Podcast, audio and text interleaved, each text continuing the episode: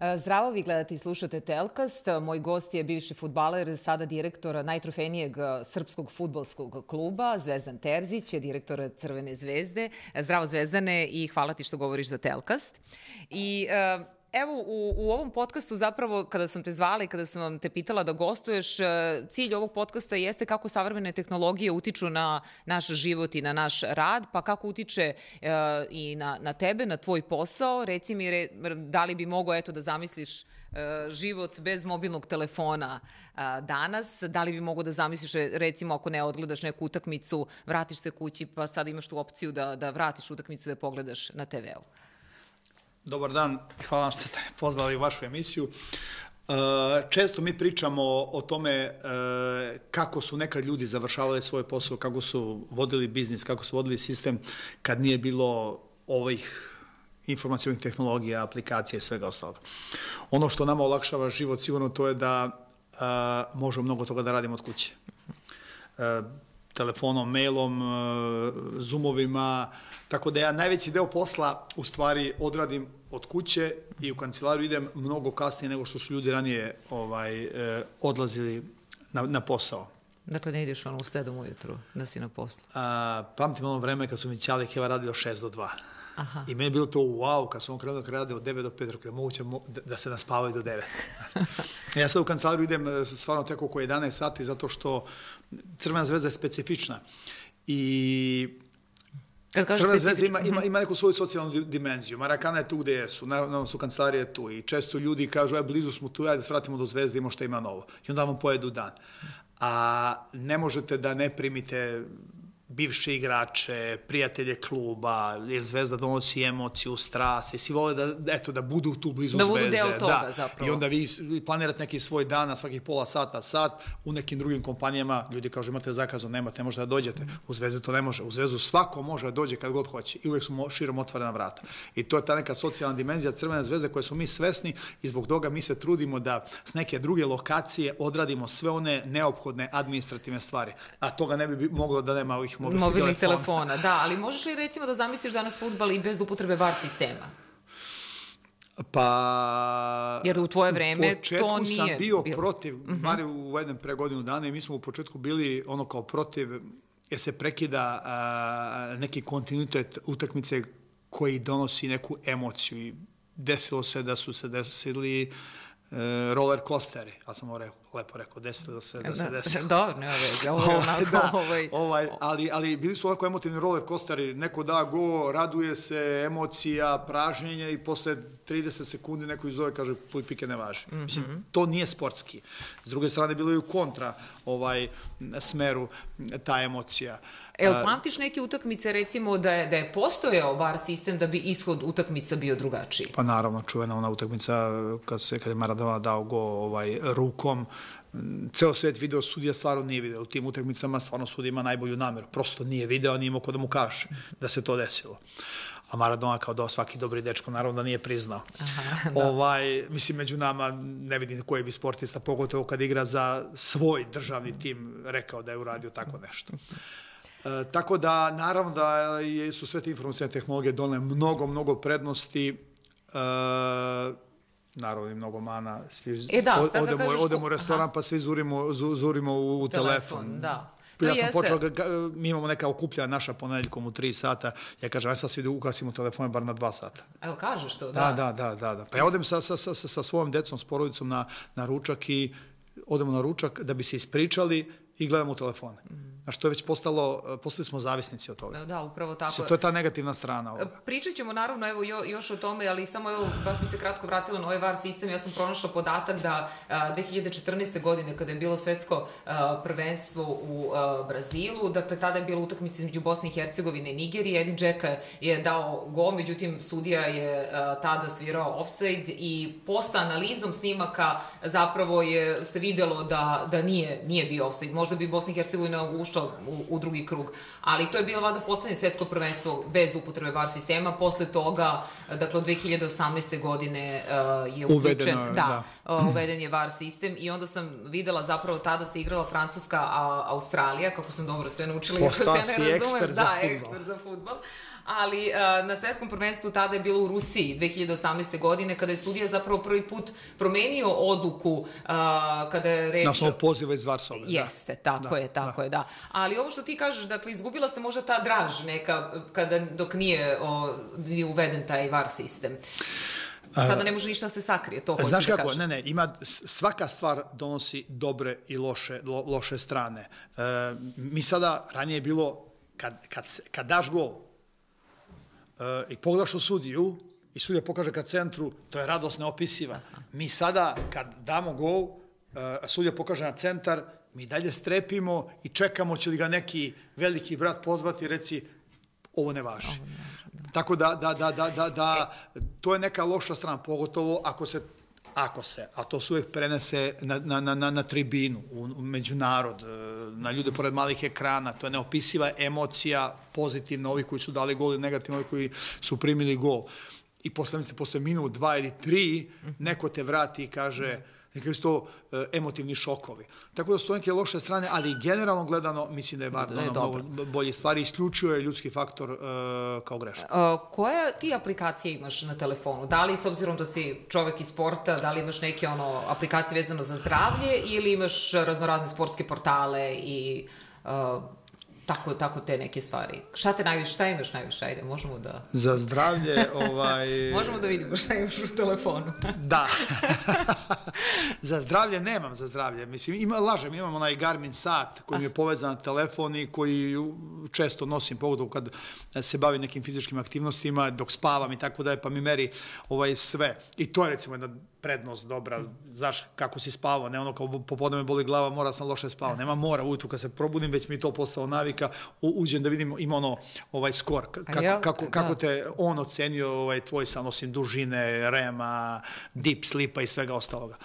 Mislim, stvarno je jedna dobra stvar i samo to pratim, ovo potrošnja kalorije, tako pošto smo godinama kad moramo malo da vodimo računa Aha. unosa Dobro. ovaj, i potrošnje kalorija, ali ovaj, pa najviše ovih sportskih eh, aplikacija, Sport. naravno, sve port, portale ovaj, gledamo, Mm -hmm. Jel pratiš I vesti? to je greška i to je greška zato što stalno mislimo da nekom portalu ima nešto što na drugom nema. U stvari, vi svi pre, prepisujete jedni od drugih i to je samo trošenje vremena od jedno od drugog. Umesto da se opredeli čovjek prati jedan, sve što ima, to ima na nekom drugom portalu. Ali dobro, zavisi ko šta prvi javi. To je sada taj ekskluzivitet. Zaka, zakasnite 15 minuta, Aha. nećemo mi poginuti ako budemo kasnili sad. Aha. Evo, pratiš, kako se informišeš? Evo, se više informišeš on putem isto portale mobilnih telefona ili sediš kod noć, kuće? Svaku noć zaspimo sa pola sata minimum vremena pored, pored uh, telefona da pogledamo sutrašnje naslove strane, vesti, čekiraš još jednom. A imamo jednog jako zanimljivog čoveka koji je počeo da radi sa Crvenom zvezdom, uh, profesor naš Ranko Rajević, koji je otkrovenje nama u poslednja dva, tri meseca, koji je učestvovao u nekim predavanjima trenerima Crvene zvezde koji drži ovaj tu NTC metodologiju uh, vaspitanja, odrastanja i tako da inače čovjek je lekar ovaj i osnovni problem naš za loš san je što uh, koristimo tablet i ekran, display pre spavanja. Znači, to je, to, to je katastrofa za zdravlje. A mi sve to radimo. Da. I sad sam rekao da ću krenuti tega izbacujem, pogotovo što telefon zrači, a, a, a meni ovde, pored kreveta je, jer će se nešto desiti tokom noći, ja neću čuti telefon. A u principu on mora bude van sobe, spavaće telefon, niko to se niko, ne predržava. Da. Svi znamo da nije zdravo, svi se niko se ne predržava toga, pogotovo što ne smemo 2-3 sata pre spavanja da pogledamo u telefon, isključi i sloni ga negde daleko. Ali imaš te push notifikacije recimo na... Ne, to sam to sve pogasio. Pogasio, pogasio da. sam. Ja, ja hoću da se informišem kad ja hoću, nekad vi hoćete. Aha, dobro. Ali jel te nerviraju nekada neki naslovi kada vidiš o, o zvezdi? Jel te to ne nervira slaba Naravno, partija, pogleda, ne slaba odbrana, ili tako da neki trp, ovo su najbenigniji naslovi, ali... Ne trpim kritiku, kad god vidim odmah zovem pa se svađam s novinarima. Aj, sad, nije, a? Evo, jeste stvarno, to radiš? Ovaj, Jesi zvao nekada pre, nekog novinara? Pre, pre, pre dva dana ovaj, sam bio da se vidim s mojim prijateljem Zdravkom Mabićem, pa smo se svađali, pošto sve što on radi, tako ne treba da se radi ja ga, ja, ja ga savetujem, a, a, a, a sličan sam njemu, s tim što ja pokušavam da se ovaj e, kontrolišem. Sa novinarima niko rat nije dobio, tako da ne gajim tu iluziju da treba ulaziti u sukob, ćutiš, progutaš davno su mene zmije ujedale, tako da ovaj, ne prija, ali progutaš. Aha. Kad, god, ne... kad god pročitam neki loš tekst, Eto. ja ga nazovem i kažem hvala, brate, sve si u pravu bio. Je li tako, da, to da, nazoveš? Da. da. da. Ali reci mi, a si googlao ne, ne, nekada o sebi da vidiš, ukucaš svoje ime, da vidiš šta sve izlazi? A toliko ste loših stvari napisali, ispričali u meni da više ne može ništa mi iznenadi. Ne ja Sam, ja sam bio... Ali ima nešto što te onako, što, što apsolutno nije istina što si pročitao ili nešto što je nekako čudno vezano za tebe, a to stvarno nije istina, i nešto što te iznerviralo. Ovaj... Šta te ovaj, najviše nervira? Ma, toliko mi se ružnih stvari izdešavalo uh, u privatnom životu i to preneli mediji da meni više, ja sam obeležan takav kakav jesam. Meni je važno da, ima me neko da voli moja porodica, moji prijatelji, da se svidim svima, ne mogu da obelim svoju biografiju u očima negativaca, ne mogu. Uh mhm. -huh. ovaj, e, ja sam svestan da vodim jedan veliki sistem koji donosi strast i emocija, zove se Crvena zvezda i da će o meni suditi samo na osnovu uspeha ili neuspeha Crvene zvezde. Znači, samo kroz prizmu Crvene zvezde. Za jedne sam uh, terza magija, za druge sam terza mafija. I to je Aha. tako, i to je tako. I terza magija i terza mafija. Tako je, tako, ovi koji me vole, koji vole Crvenu zvezdu u stvari za njih sam Terza Magije, oni koji ne vole Crvenu zvezdu, Terza Mafije, to je tako. I ja sam svestan da kao javna ličnost koji, kažem, koji obavlja jednu funkciju koja nosi ogromnu emociju, to će biti, to će biti tako. E sada, ima i vas novinara koji vole, ne vole, ima oni koji e, žele klikove ili tiraž, pa guraju šta pa treba i šta ne treba, ali Ali i uticaj društvenih mreža, dakle... Ali sam naučio, samo da kažem, aha, jednu veliku stvar i to Reci. sam pričao o Zdravku Mamiću prekjuče koji, smejali smo se, Zdravko je stalno u ratu bio sa novinarima i onda rekao, kaže Zdravko, hoću da uh, ispeglam odnos novinara. I sad on pozove sve novinare, njih 25 s kojima imao sukup kod njega kući, ovaj, na večeru organizovao da se izmire, ono posle pola sata je bilo mrš napolje, majko, mrš na sve ih išutirao nogama ovaj, i otero ih. Eto, to, znači, to, to, to je nešto što donosi e, strast, emocija i kad čovek misli da je u pravu, a on je stvarno bio u pravu, ali novinari su ga čačkali, on je ušao na teren koji ne smeš da uđeš prosto kao javno, lično su slađu s novinarima i smejali smo se. Ja mu pričam priču onda ovaj, koju mi je ispričao jedan stari novinar, zvao se Milorad Vučinić, šta je bio Miljan Miljanić. Ja sam stvarno od Miljana Miljanića mnogo toga naučio od Čiče. Ovaj, I on kaže, e, Miljan ode 74. godine da bude trener Real Madrida, i general Franco je tada bio fašistički da. diktator, bio je predsednik e, Španije i Jugoslavija nije imala diplomatske odnose, Tito nije imao sa Frankom, naravno, pošto su naši učestvovali tamo u građanskom ratu 37. komunisti i tako dalje. I e, Miljan ode za trener Real Madrida 74. godine, a 75. godine umro, umre Franko, umro predsednik države, svi idu na sahranu, milion ljudi, ide, ceo Real Madrid ide i on kao trener Real Madrida naravno ode na sahranu. I to je bio skandal. I tad nije bilo portala, medija da se to tako prenosi, nego ono, u Maderi se sedelo, Madera je bila centar sveta i politički, i sportski, i svaki drugi. I tamo krenuli ljudi du, du, du po milijonu, naravno, izdajnik, nije patriota, išao na sahranu diktatoru, mi ginuli i tako dalje protiv e, njih. I njemu Milorad Vučinić prenosi sve ko je šta rekao, jer on su bili kumovi, ovaj, e, ko je šta rekao i tako dalje. E, da se dodvore naravno centralnom komitetu. I Miljan sedne na avion uveče dođe, slete, oni čitavu noć šetali oni ulicama i Vučina mu priča ko je šta rekao od novinara, ko je rekao je, ko je rekao je, šta će ovaj napisa, šta će sutra izaći, šta će. I dogovore se sutra u dva da se vide u Maderi. Ovaj, I kaže Vučin, ja ulazim u Maderu, Miljan sedi na čelu sofre, njih 15-20 novinara, svi koji su najviše ga napadali i, i ružno pričali o njemu, za stolom, svakom kupio poklon, poklon za njegovu ženu, sedi Miljan onakav šarmantan kakav je, drži ovaj banku, priča, šarmira, pomenuo im, nikom od njih ništa nije od toga što mu je ležalo. Nikad, ništa mi nije rekao. Ništa, nije pomenuo tu temu. Ni tada, ni 30-40 godina nakon dok, je, dok, dok nije umro. E, e, to je bio Miljan. Znači, ma, ma vidi, tvoje da pišeš, moje da odćutim i kraj. Ja to pričam Zdravku Mamić, kaže, ih, kad bi ja tako mogao. Ali to je to, znači... A si sam... primenio taj recept, si zvao nekada te novinare koji su loše pisali o tebi, pa... Ja se stalno družim s novinarima. Dobro, pa da. I oni kažu, pa znaš, Mareko, sve u redu, samo pišite. Aha. Da. Znaš kako je rekao, ova, rekla jedna žena, ovaj, kaže, ne postoji ovaj, loš tekst ako je lepa slika. A, to, da, da to je najvažnije, da, slika, pogotovo u današnje vreme, svi gledaju naslove. slika i naslov, e, da, da. unutra piše. piše. A društvene mreže, kako, dakle, tu stvarno te društvene mreže, danas je veliki utice društvenih mreža, ali imaš neku društvenu mrežu, ne, koristiš ne, uopšte? Ne, nikad, nikad, ni, ni, ni, ni Instagram, ni Facebook, ni nikad. Sad su mi montirali Instagram samo da bi mogao da pratim crvenu zvezu, tako, pošto sad ima nekih raznih stvari, ali ja nisam aktivan, niti imam svoje, niti ovaj... A zbog čega? Kačim. A to je gubljenje vremena. Gubljenje vremena. Mago, postaješ zavisnik od toga. Ali... A ništa ti ne donosi, osim neke stvari koje te interesuju. Možda mogu da vidim golove, presek, highlights nekih utakmica, šta Crvena zvezda radi i tako dalje. Ali uh, futbaleri danas, dakle, koriste društvene mreže, pogotovo uh, Instagram i uh, tvoj utisak nekako da imaju i oni futbalera koji su uh, popularniji i uh, zbog načina na koji žive, jer kače slike, gde izlaze, sa kim izlaze i tako dalje, nego zbog svoje igre. Ovaj, ne znam, možda sam starog kova, ali Ali recimo meni to sve zvezdi. liči, mm -hmm. meni to sve liči, ali moram da prihvatim da ovo 2023. godina. Da me sad pitati da nema kamera, ja bih rekao, to su starlete. Ozbiljan igrač je ozbiljan igrač. Nekad je dolazilo po 100.000 ljudi i futbaleri su bili idoli bogovi. Pele nije imao Instagram, niti Maradona imao, niti Dragan Džajić imao, ali su bili prepoznatljivi idoli planete. Ovaj, uh, Međutim, ovi IT stručnjaci, PR stručnjaci kažu da nisam u pravu i da treba da se radi na svom imidžu. E sad, da li je mm -hmm. rad na svom imidžu to što si istetovirao i što si e, kačio svoje slike na Instagramu i što te prati 20 ili 50 miliona, ili je rad na svom imidžu da e, si odličan futbaler, da daješ golove, da mm -hmm. te narod voli zbog toga što si na terenu i da živiš u skladu s nekim pravim vrednostima. Meni je to pravi sportista, a ne ovo što se kače.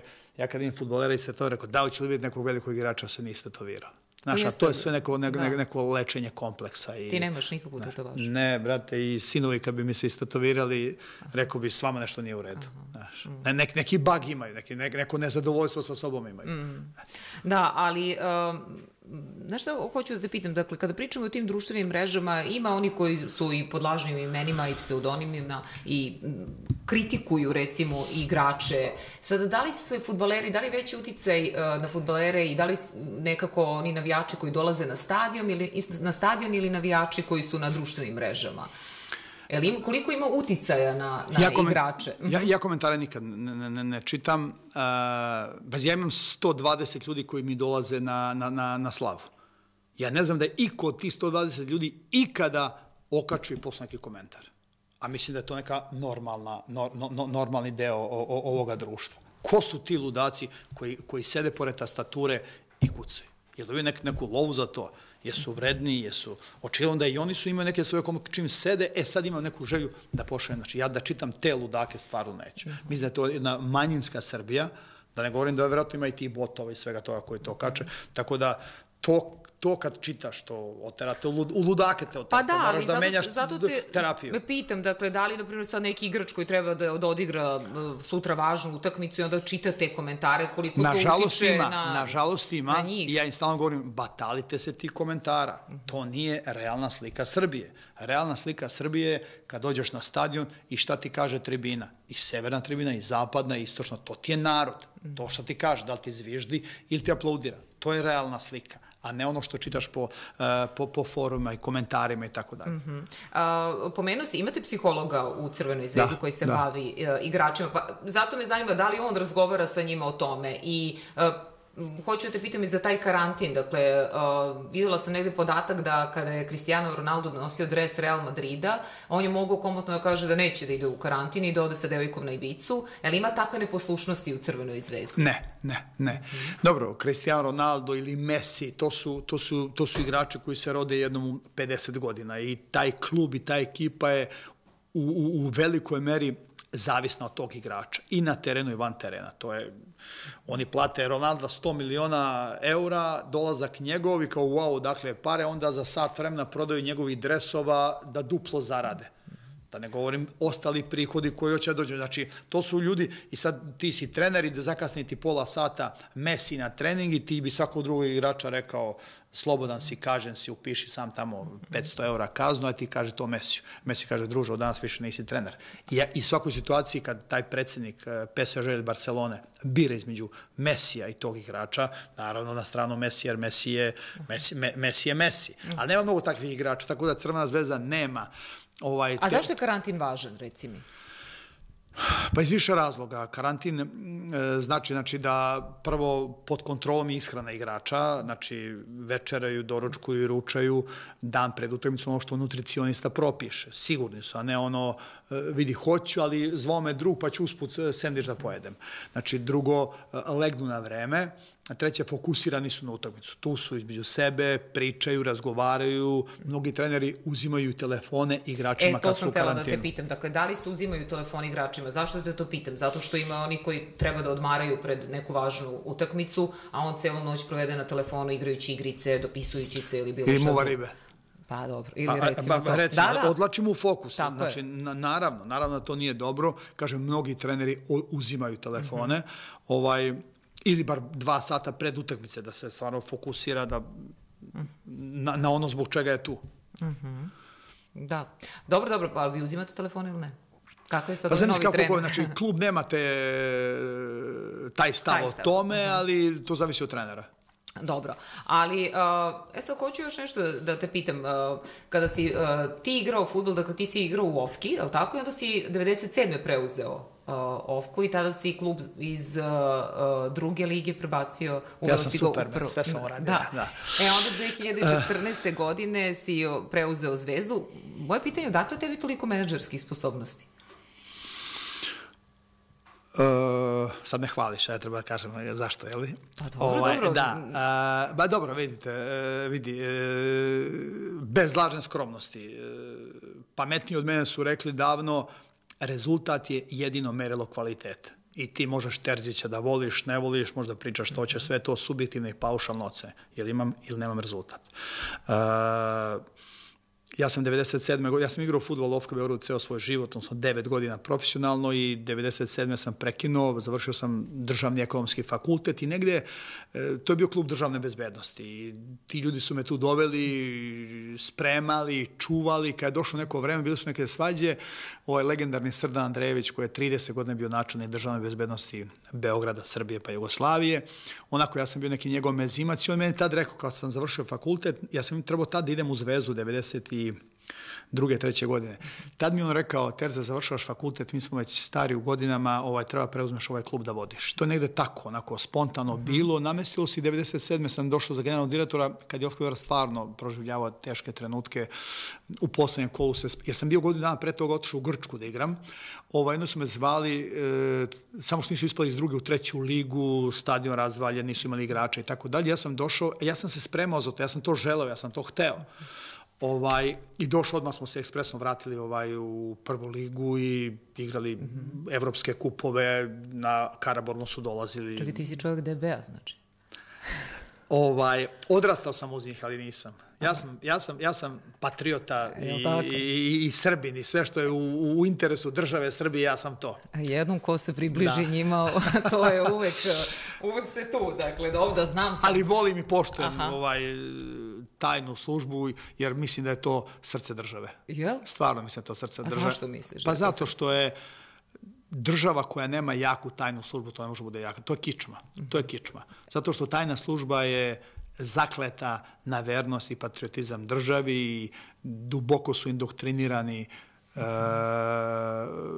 ljubavlju prema svojoj državi. Svi ostali mogu i ovamo i onamo, ministarstva, biznismeni, privenci.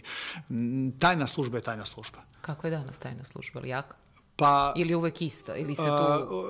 ljudi koji su u službi Aha. uvek su lojalni odani. E, naravno, zavisi od onoga ko je gore na vrhu piramide, kako je to kao sistem utegnuto i tako dalje, ali uvek, je bilo, uvek su kval, najkvalitetniji ljudi bili u tajnoj ali službi kažu... i uvek je bilo nekako a, privilegija raditi u tajnoj službi. Da, ali svi da. vole da, to je ta najveća nekako je uh, misterija tajne službe, svi su prisluškivani, svi vole da budu deo tajne službe i svi vole, uh, ali to, šta je utisak, da, dakle ovde da. kod nas u, u ali sa razlogom, Srbiji. Ali sa mhm. razlogom, nije, nije to samo u Srbiji. Ti kad kažeš za nekog Rusa, vidi radi za KGB, odma u startu ima e, respekt više u odnosu nekog drugog. Ili da radi za Mossad ili BND nemački ili Ali ima li više, ili... više struje u, tim tajnim Jer, službama? E, e, prva pretpostavka za čoveka koji radi u službi je taj sve zna, malo priča i mnogo je opasan. Aha. Znači, to, to, to, je, to je to. To je to. to, je to. Ne ono James Bond ide puca one crtane filme, nego čovjek koji sve zna, malo priče, mnogo je opasan. Da, e, i e, videla sam da si o, se rukovodi ovom izrekom Muhammed Alija, dakle onaj koji nije dovoljno a, hrabar da rizikuje, neće ništa postići u svom životu. A, jesi se time rukovodio kada si preuzeo zvezdu? Ko te prvi zvao? Kako je izgledalo to? kada su te zvali da dođeš i da, da preuzmeš Prvo što sam uradio, imamo veliku tablu u mojoj kancelariji, prvo što sam uradio, napisao sam uh, najveći rizik je ne rizikovati. Uh -huh. Mi ako budemo krenuli da uh, radimo onako kako su nas učili u knjigama, to je katastrofa. Uh -huh. Jer futbol je specifičan biznis. Uh, rekao sam, Crvena zvezda, jako kompleksan sistem. Uh, kad sam došao u klub... Ko te zvao da dođeš u klub? Uh, Aleksandar Vučić. Uh -huh. Aleksandar Vučić. I šta ti je rekao? Uh, on mi je rekao što godinu dana prego što ću doći, rekao mi je ovaj, Terza, kvalitet, trebaju mi kvalitetni ljudi, ovaj, treba da dođeš da preuzmeš ili Savez ili Zvezdu. Mm -hmm. I onda, posle godinu dana, tek me zvao, bio sam nešto van Beograda, dođi ovaj, trebaš mi, trebaš zvezdi, mm -hmm. tako, sposoban si, ti to jedino možda vodiš, zvezda je jako kompleksna, prelama se mnogo interesa preko Crvene zvezde, i sportskih, i emotivnih, i političkih, i društvenih, i kriminalnih, i finanskih, svih si, i jako je teško rukovoditi Crvene zvezde. Mi, mi često to pričamo, sad vi da dovedete e, e, e, e, najpametnijeg generalnog direktora Bayerna ili Manchestera ili e, Paris Saint-Germaina, on bi pobegao treći dan iz zvezde. Dobro, ajde sad čekaj, mnogo toga si mi rekao. I ti si odmah prihvatio ili si razmišljao ili si rekao sebi hajde da, da vidim da li ću ja to moći. Šta si, šta si rekao tada u tom trenutku? Prvo ja sam znao da mogu da se popnem na Mount Everest. Jer onaj ko ne veruje u sebe, znači prosto ili si predisponiran ili nisi. Znači ima raznih planinara, popnu se i do Kosmaja. A onaj ko misli da može da ide tamo, izvoli probaj. Sad neko ti nudi crvenu zvezdu, ti kao ne znaš da ću moći. Dobro, dakle ti si moći. rekao, ok, prihvatam. Pa naravno, mhm. -huh. naravno. Drugo, e, zovete prvi čovjek države, mislim, sad i ti kažeš neću. Kao, a zašto neću? Pa znaš, meni je lepo, ja sam tamo ušuškan u OFK Beogradu. Mm -hmm. OFK Beograd stalno četvrti, peti na tabeli, mladi igrači, relax, to je moj klub. Ja sam u OFK Beogradu proveo 27 godina. 27 godina. Ja sam proveo u OFK Beogradu od 87. do 2014. Mm -hmm. Ovaj, Ali tako bilo da nis... oni koji su, te ospor, koji su osporavali tvoj dolazak tamo, pa kao on, on nije pa dobar nije... za zvezdu, pa vodi se sudski proces protiv njega, pa e, bilo takvih uh, komentara. Ovaj... I da li uopšte si onda, pa, ili te to nije interesovalo? Pa ne, mene su dočekali ovako kroz Nišan svi Svi, svi, od, od, od, od, navijača Crvene zvezde do medija, do svi, svi, svi, šta će taj Terzić u Crvenoj zvezdi, on nikad ne igra u zvezdi, imamo mi maš, naše, on je Ofkovac i tako dalje. Plus još imao je sudski postupak, bio u bekstvu, i tako. plus naslov je bio uh, tog dana Džajić pod ostavku i ja došao. I naslov je bio uh, otišao Džajić, uh, došao Terzić. Što se misli za narod? Ovaj, veliki, legendarni Džajić, otišao, došao neki mali Terzić. Znači, mislim, nije moglo biti e, e, lošiji e, tajming po mene nego taj. I ovako sam bio e, obeležen s nekim negativnim imidžom, ovaj, zbog svega što se meni dešavalo, plus otišao Džajić, došao Terzić. Znači, wow. Znači, ja sam imao kredit ovo Litski. Znači, ja ne, ne, ne nule, ja sam bio minus pet dole. Ovaj, ali šta je bio tvoj najveći rizik u životu? Kada si to, to ispisao na tabli, šta je tvoj bio rizik najveći? Ja sam to rekao, najveći rizik, ne riziko, da kad neko kaže, ne znam da li može. Pa, ne, ne, nisam ja uh, to napisao u smislu da uh, rizikujem kao neki svoj imidž ugledam, ma jok, nego sam uh, vezan za poslovnu filozofiju. Ja sam rekao, mi moramo da uđemo u veliki rizik da bi napravili velike stvari. A veliki rizik je bio to, mi sa ovim timom, to kako je Zvezda funkcionisa, nemamo para, 5000 maksimalna plata, ljudi rekao, ovaj narod hoće velike rezultate. Velike rezultate sa igračima od 5000 eura zaboravi. Pa znaš, ali nemamo. Ne interesuje me. Ko te pita da li imaš ili nemaš? I Džaja, koji je moj veliki prijatelj, mi je rekao tada, a, Terza, a, pusti knjige, papire, dugove, gledaj da ovaj narod ode srećan sa stadiona i ovaj narod što gleda na televiziji bude ponosan na zvezdu. Gledaj to. I to mi je stalno odzvanjalo ovaj u glavi. Jer ta priča, a, biznis plan, prihod, rashod, poslovali smo u plusu, imamo 15 miliona na računu. Druže, jesi šampion ili nisi šampion? Postoji samo da, jesi li šampion ili nisi šampion? To samo narod interesuje. Ali I... dobro, interesuje ga i to. Često možemo i to da pročitamo. Zvezda je u dugu 75 miliona. Pa kako najveći brend, najuspešniji klub, najtrofejniji klub da ima toliki dug? Znate ko je najveći e, brend na svetu? Koji? Barcelona. Uh -huh. Milijardu i 200 su u dugu. Znači, a, a, znate, li, zna, e, zna, znate koja je najzaduženija firma na svetu? Uh -huh. Najzaduženija. Ona koja je najmoćnija. Evo sad mi ti kaže, koja je najmoćnija firma na svetu?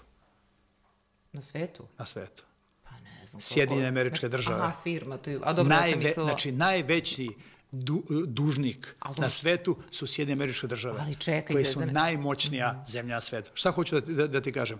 Uh, ne gleda se uh, uh, uspešnost i moć neke kompanije, države ili kluba na osnovu toga koliko si dužan, nego koliko si moćan da stvaraš. Crvena zvezda osposobljena da stvara velike pare. Nikad to ne bi uspeli da nisam rizikovao i, i nisam išao putem koji mi, svaki bi mi profesor rekao, nemoj to da radiš. Ali dobro, evo sad mi objasni, dakle ja se stvarno ne razumem u futbal. Dakle, ako kaže da je neko najmoćniji, najtrofeniji, kako onda toliki dug? Pa, sad, zato što mi nismo deoničarsko društvo, mi smo privatna firma. Mi ne radimo da bi pravili profit i delili dividendu akcionarima. Ne, mi smo ovde da osvajamo trofeje. Do granice dok ne ugrožava tvoje poslovanje tvoje, tvoje bitisanje. A to ne ugrožava. Vi imate e, Nemačku kao državu koja je dužna 0,68% svog BDP-a. Crvena zvezda je manje dužna nego e, Nemačka. A Nemačka je najstabilnija i najmoćnija država e, i sad kažu Nemci imaju para, organizovan sistem. Oni su dužni 68% svo, svog BDP-a. Nemačku i futbolski Pa da, ba, ba, upravo to, upravo to. Upravo to. Oni moraju da imaju rezerve, oni moraju da posluju finanski dobro, moćno. Mi, mi kao futbolski klub ne, mi treba da osvojamo trofeje. Mi smo dužni manje od toga. Nije isto, ja, mi kad, smo, e, kad sam ja preuzeo klub 2014. godine, klub je bio dužan 64 miliona eura. 64 miliona eura. A bio je sposobljen da pravi godišnje 8 miliona. A sad? Mi smo danas dužni oko 38 miliona, a pravimo godišnje, godišnje 55 miliona. To je kao Minja Miletić ima platu 5000 eura i dužna je 500 eura. A zamisli onaj koji je dužan 500 eura, a e, ima platu 600 eura. Da, da. Dobro, dobro, ja sad ne znam. Znači, ali kada... I šta sam, i šta, šta, šta sam ja uradio? Mi, prvi dan kad sam došao, ja sam ovaj, uh, pitao koja je najbolja revizorska kuća, oni su rekli od ove četiri ta, rekao dovedite najbolju, oni dva meseca gledao one papire, oni učeni svi, Cambridge, Sorbona, ovo, radili po banka, oni svi si, kažu ne zvezdi nema na spas. Šta?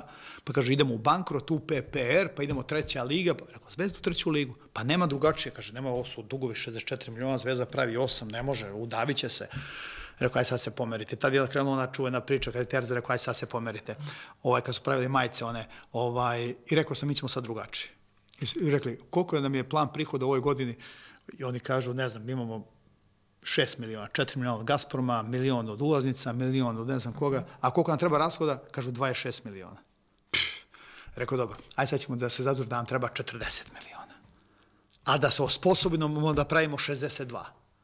I samo smo tako, znači, taj rizik sam preuzeo na sebe. I tad sam 2015. godine, kad je otišla garnitura koja je bila sa mnom godinu dana, tad sam rekao, ajde napravimo dobar tim. dobar tim će napraviti dobar rezultat, a dobar rezultat će generisati velike prihode.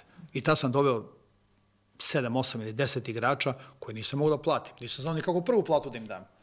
Dođi ti da mi krenemo da pobeđujemo, da pobeđujemo, da pobeđujemo. Imaš to pa moć se, ubeđivanja. pa će se stvoriti novac. Aha. I to smo uradili.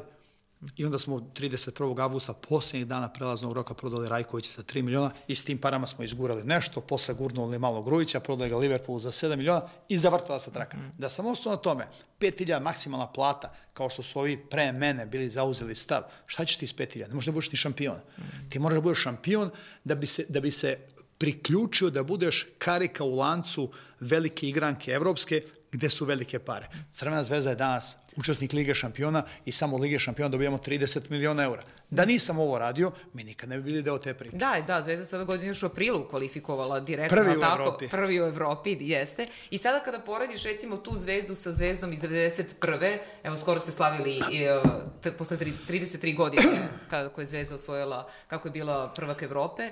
Dakle, može se napravi poređenje između Zvezde danas i te Zvezde iz, iz 91. Pa, svako vreme nosi neke, neke svoje ovaj, pravila i vrednosti i sve.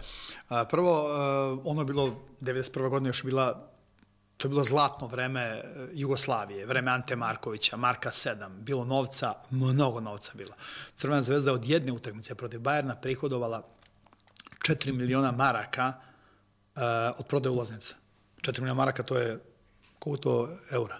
Pa to bi danas, danas. Ja, možda 2 miliona eura. Pa to, danas. Je, to je danas 20 miliona eura. Aha, dobro, dobro. U odnosu na, Izvini, znači, znači aha. jedna utakmica, 4 miliona maraka, onih oh. maraka. Onda je bilo milion maraka kao sad 10 miliona eura. Aha, dobro.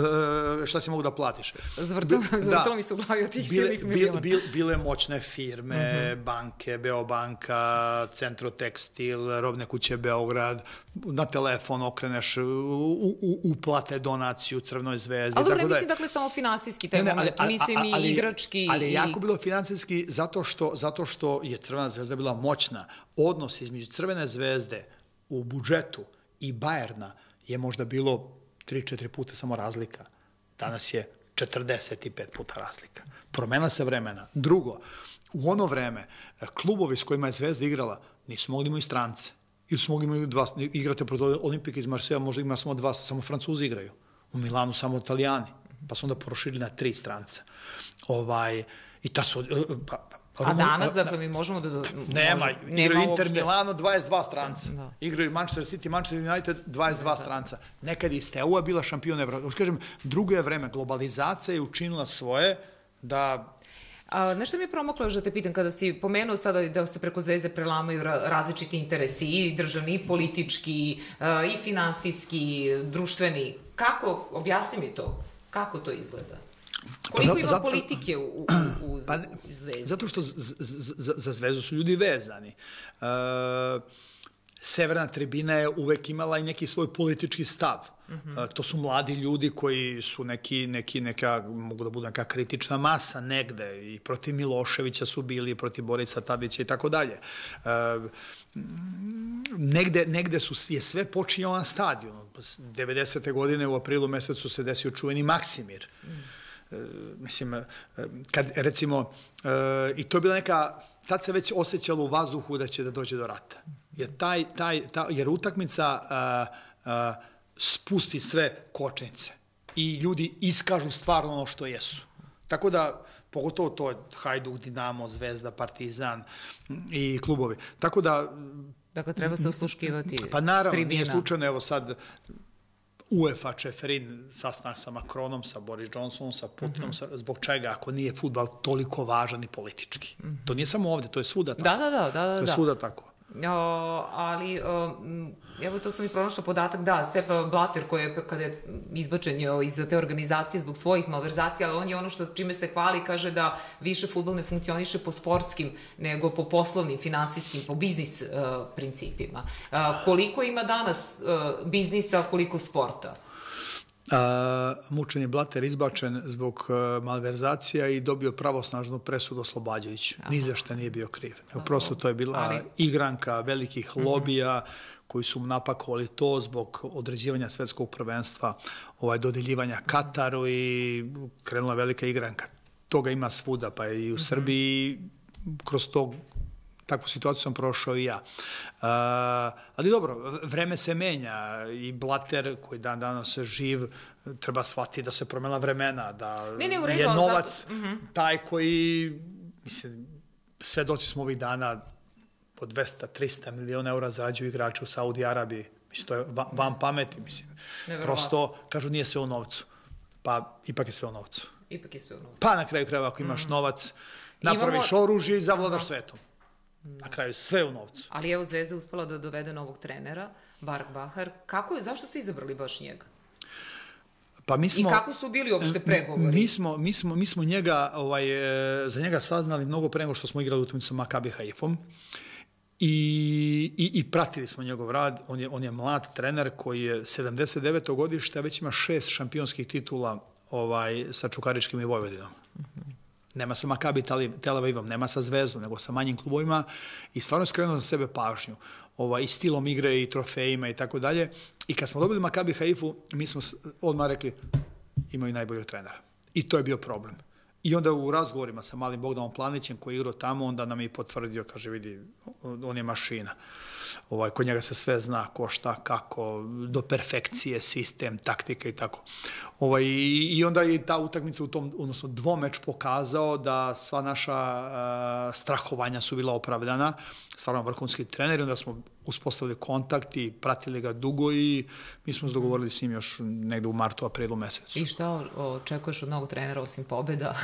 dakle, pa, ima, si imao neki zahtev? Znaš, vidi, Zvezda već šestu godinu za redom dominira ovde osvaja šampionske titule. Mi koga god da smo dobili za trenera, mi bi bili šampioni sa njim. Mi smo toliko odmakli svima, ne, ne može prati niko zvezdu. Zvezda napravila... A u čemu? Kad kažeš ne može niko, to je za, zbog e, igrača? Pa ne, nego zbog... zato što smo napravili jednu organizaciju, sistem, ostvarujemo velike prihode, Mi pa dobro, dobro, ali kad se izađe na teren, tu ali kad, se ne nema, govori nema, o prihodima. Nema teren, mora... ajde ti izađi na teren i trkaj se sa Mbapeom. Mm -hmm. Pa dobro, dobro, zato Kao, pitam, znači, dakle, ja, da, li, ja. da li znači, su igrači, odnosno ulaže tu igrače, je to... Imaš pare da uvedeš najbolji e, igrač. Da. Evo sad mi daju milijardu budžet, ja dovedem Mbappé, Messi, Ronaldo i kažu nije do... Znači sve do para. Znači Zvezda je osposobila sebe kao sistem da pravi veliki novac. Za taj veliki novac mi možemo da dovedemo velike igrače. I na, nas ne može niko da prati. Ja, ja, ja, ja, ja, sam, ja to na jedan bezobrazan, prepotentan način i kaže, ja sam rekao, prvi put kad Zvezda ne bude bila šampion, ja odoh iz Zvezde. Znači ja sam negde pogrešio. Ja sam vrh piramide, ja sam šef parade, ja sam komandant, imam neograničena ovlašćenja, negde sam pogrešio.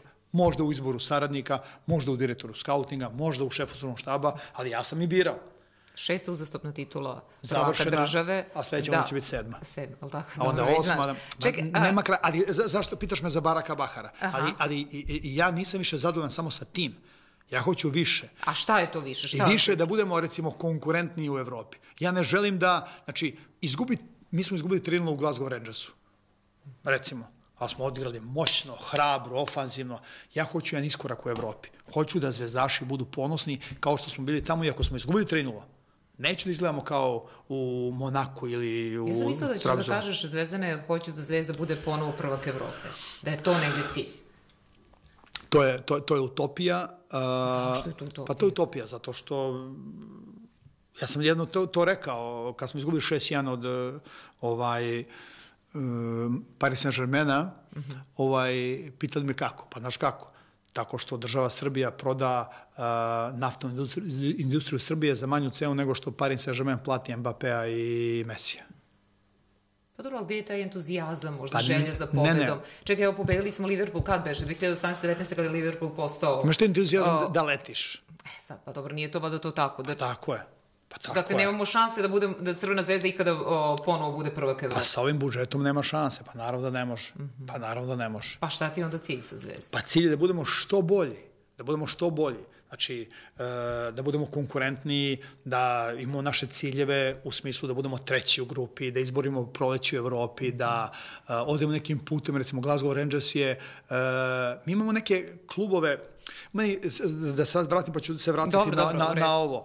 Kažu, nema jake crvene zvezde bez jakog partizana. Mislim, to, to neke floskule iz komunizma. Nas partizan, ja, ja stvarno poštujem partizan, istoriju partizana, tradiciju, ko sam ja, neki mali Terzić, da na ružan način govori o partizanu. Znači, partizan, treba ustavimo mirno kad govorimo o partizanu. Znači, ali partizan danas Nije konkurencija Zvezda. I meni ne treba jak partizan da bih ja motivisao sebe da Zvezda bude bolja.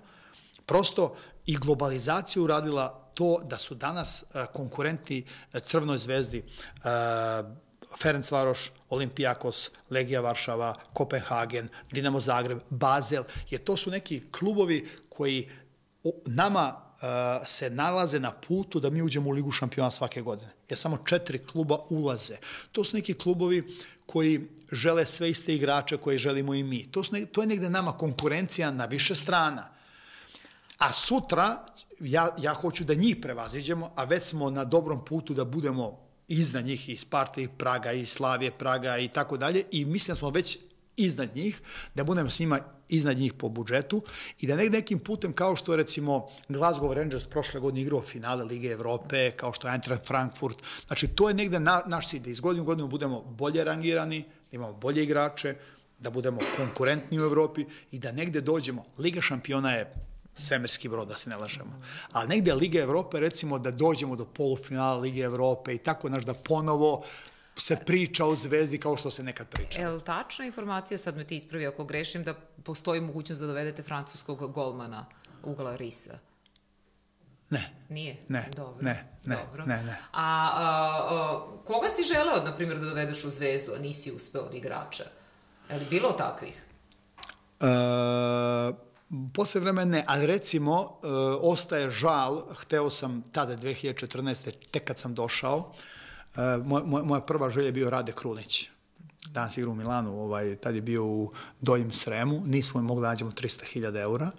Ovaj, druga e, želja mi je bio Adam Marušić, igra u Voždovcu, otišao za nekih 250.000 eura u Kortrak. Belgijski danas je vjerojatno najbolji bek serija A, igra u, u Laciju. A to su recimo igrače koje sam video, a nismo, mi smo bili bez, bez, bez kisonika, bez, bez, bez šanse. A danas? A recimo, to su dva igrača koja su, koja su baš, baš, baš, baš onako, ovaj, hteo sam tada Ivanića odmah iz Vojvodina da dovedem, nismo tada imali para za njega i tako. Ali ide neko iz Zvezde, nešto se pominjalo, uh, Mitrović, Raković. Mitrović i Raković. Pa da. vidjet ćemo, imamo ponude, ali vagamo, razmišljamo, uh, mislim, Zvezdi treba ove godine 10 do 15 miliona eura od transfera da bi imali budžet za okruž. Znači, treba nam, bit će prodaja. Sad samo pro, procena naša da li to radimo u avgustu ili u decembru. Evo, gledaš sve utakmice na stadionu, jesi tu kada Zvezda igra ili, ili ne? Za ovih devet godina mislim da sam ajde, rukovodio preko 500 utakmica Crvene zvezde. Ovaj, I nikad nijednu utakmicu nisam propustio. A nisi je to? Nikad, nikad, nikad, nikad, nikad. Mislim, meni je obaveza. I nikad nisam pogledao utakmicu Crvene zvezde na Marakane bez kravate. I, Ja? Nikad. A, z, z, dobro, to je lepo, mislim, pa to, to mi je neko poštovanje, da. to neki respekt prema, yes. meni je to kao kad se ide u crkvu. Aha, to je tako. E, pričao si nedavno i o stadionu, Uh, dakle, kada bi to moglo da se očekuje? Pa imamo tu neke dileme, da li da ostaje tu na tom ili da se malo pomera, najvjerojatnije će ostati tu. Ovaj, ima tu dosta papirologije, mhm. -huh. plan detaljne regulacije i tako dalje. Ali ono što je najveći kapital Crvene zvezde, 16,5 hektara mi imamo našeg zemljišta u vlasništvu. I to je najveći kapital Crvene zvezde koji nismo stavili u funkciju donošenja prihoda. Mi, mi, mi kad sagradimo novi stadion, mi očekujemo bar 15 miliona eura godišnje redovnog prihoda iz van sportske aktivnosti, iz komercijalnih sadržaja. E, zato nam treba stadion plus što Zvezda zaslužuje, narod zaslužuje. Ja, ja razumem navijače koji su emotivno vezani za tradiciju, istoriju, to, ali otišao u istoriju Hajber i mnogi, mnogi stadion. Prosto dolaze nove generacije koje žele novu udobnost, novi komfor i mi moramo da imamo korak sa tim. Mm -hmm. I e, šta je negde tvoj cilj, evo, za kraj sam? Dakle, sa Zvezdom si zaista mnogo toga i napravio i uspeo. Dakle, da li bi volao da odeš na neko drugo mesto, možda u Futbolski savez ili u FIFA-u? dakle, šta, imaš li ti neki plan kada je tvoj posao u Samo mi je Crvena zvezda u planu. Ja kad budem otišao iz Crvene zvezde, ja neću ništa više da radim. Mm -hmm. Ne vidim šta može posle Crvene zvezde da me inspiriše da dam svoj maksimum. Pa možda neko inostranstvo, zato? Ne, ne, ne. ne. Imao sam ja ponude da odem ovaj, neke klubove mm -hmm. ovaj, iz Evrope, ali ovaj, ja planiram da ostajem u Crvenoj zvezdi još 20 godina. I tako se i ponašam i dugoročno razmišljam i, i teram sve oko sebe da razmišljamo što dugoročnije. Znači još 20 godina, pa dobro. E, hvala ti Zvezdane mnogo na ovom gostovanju i onako, eto, čuli smo neke nove stvari, bilo je zanimljivo, bare meni. Hvala ti i hvala i vama, hvala naravno, Zvezdan Terzić, generalni direktor Crvene zvezde, bio je naš gost.